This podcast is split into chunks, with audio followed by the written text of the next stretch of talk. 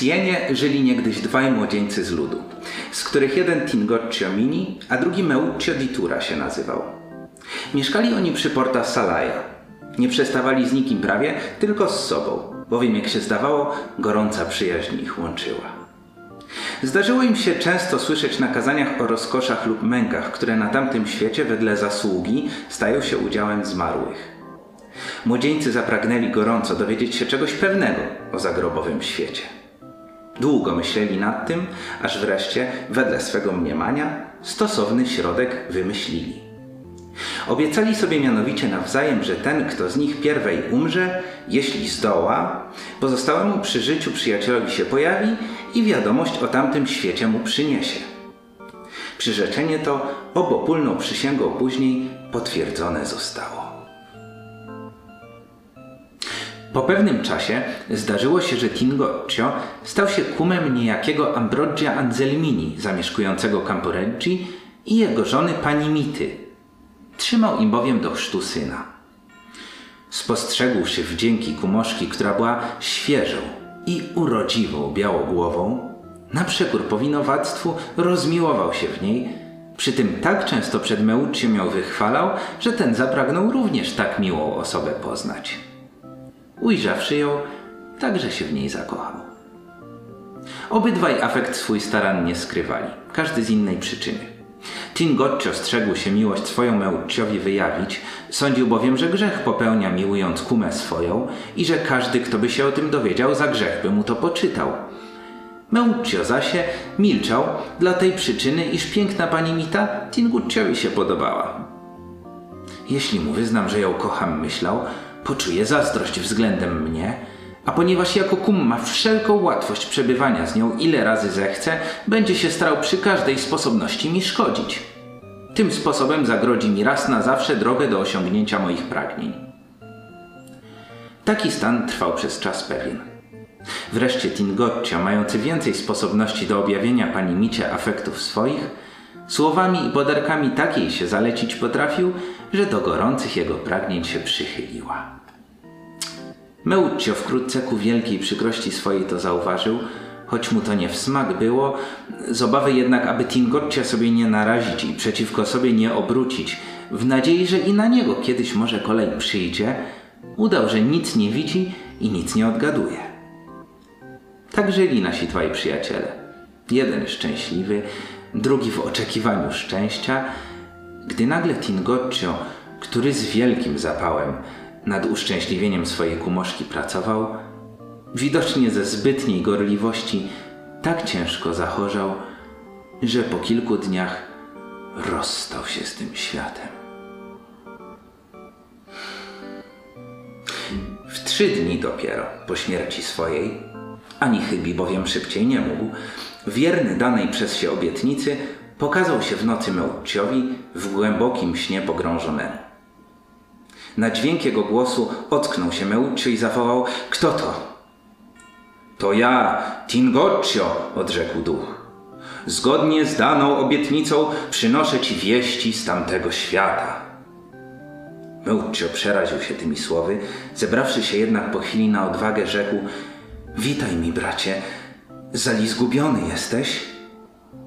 Zgubiony? odparł Tingoccio. Zgubione są tylko rzeczy, których odnaleźć nie sposób. A jakżeż ja mógłbym być tutaj, gdybym był zgubiony? Źle mnie pojąłeś, przerwał mu Meuccio. Pytałem się bowiem, czy znajdujesz się między duszami w trawiącym ogniu piekielnym.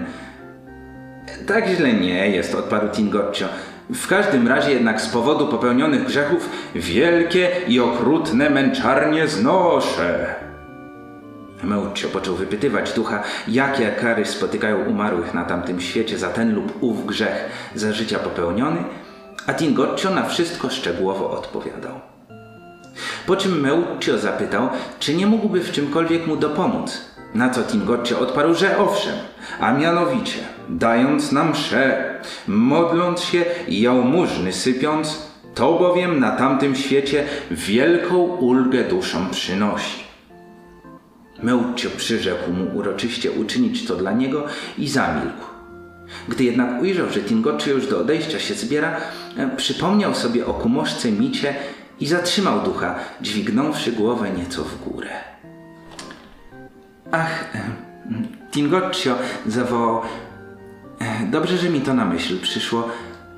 Jaką też karę naznaczono ci za to, żeś na tym świecie sypiał tak często ze swoją kumą? Bracie, odparł Tingoccio, przybywszy tam, spotkałem istotę, która zdała się wszystkie grzechy moje na pamięć umieć.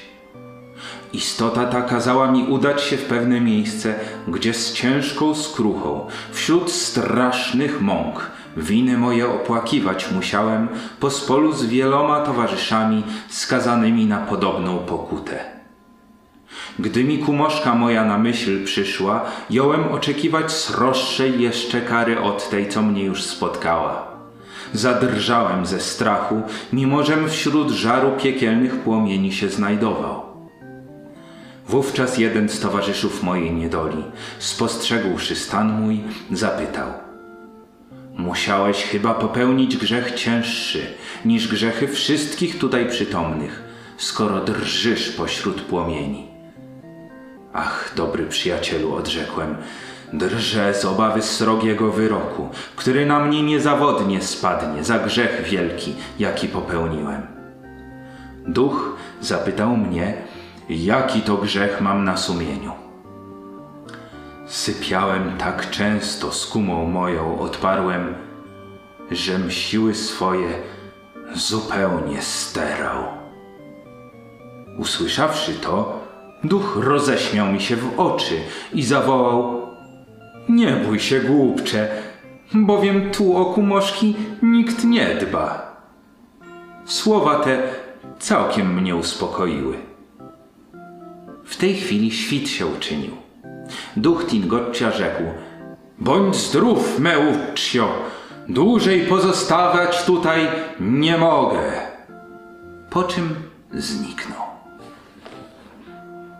Meuccio zasie, usłyszawszy, że na tamtym świecie kumostwa pod uwagę się nie bierze, obiecał sobie żyć zgoła inaczej. Przypomniawszy sobie, ile razy w życiu od stosunków z kumoszkami się wstrzymywał, obawiając się za to karę na tamtym świecie, roześmiał się sam z siebie i postanowił na przyszłość być pod tym względem rozumniejszym.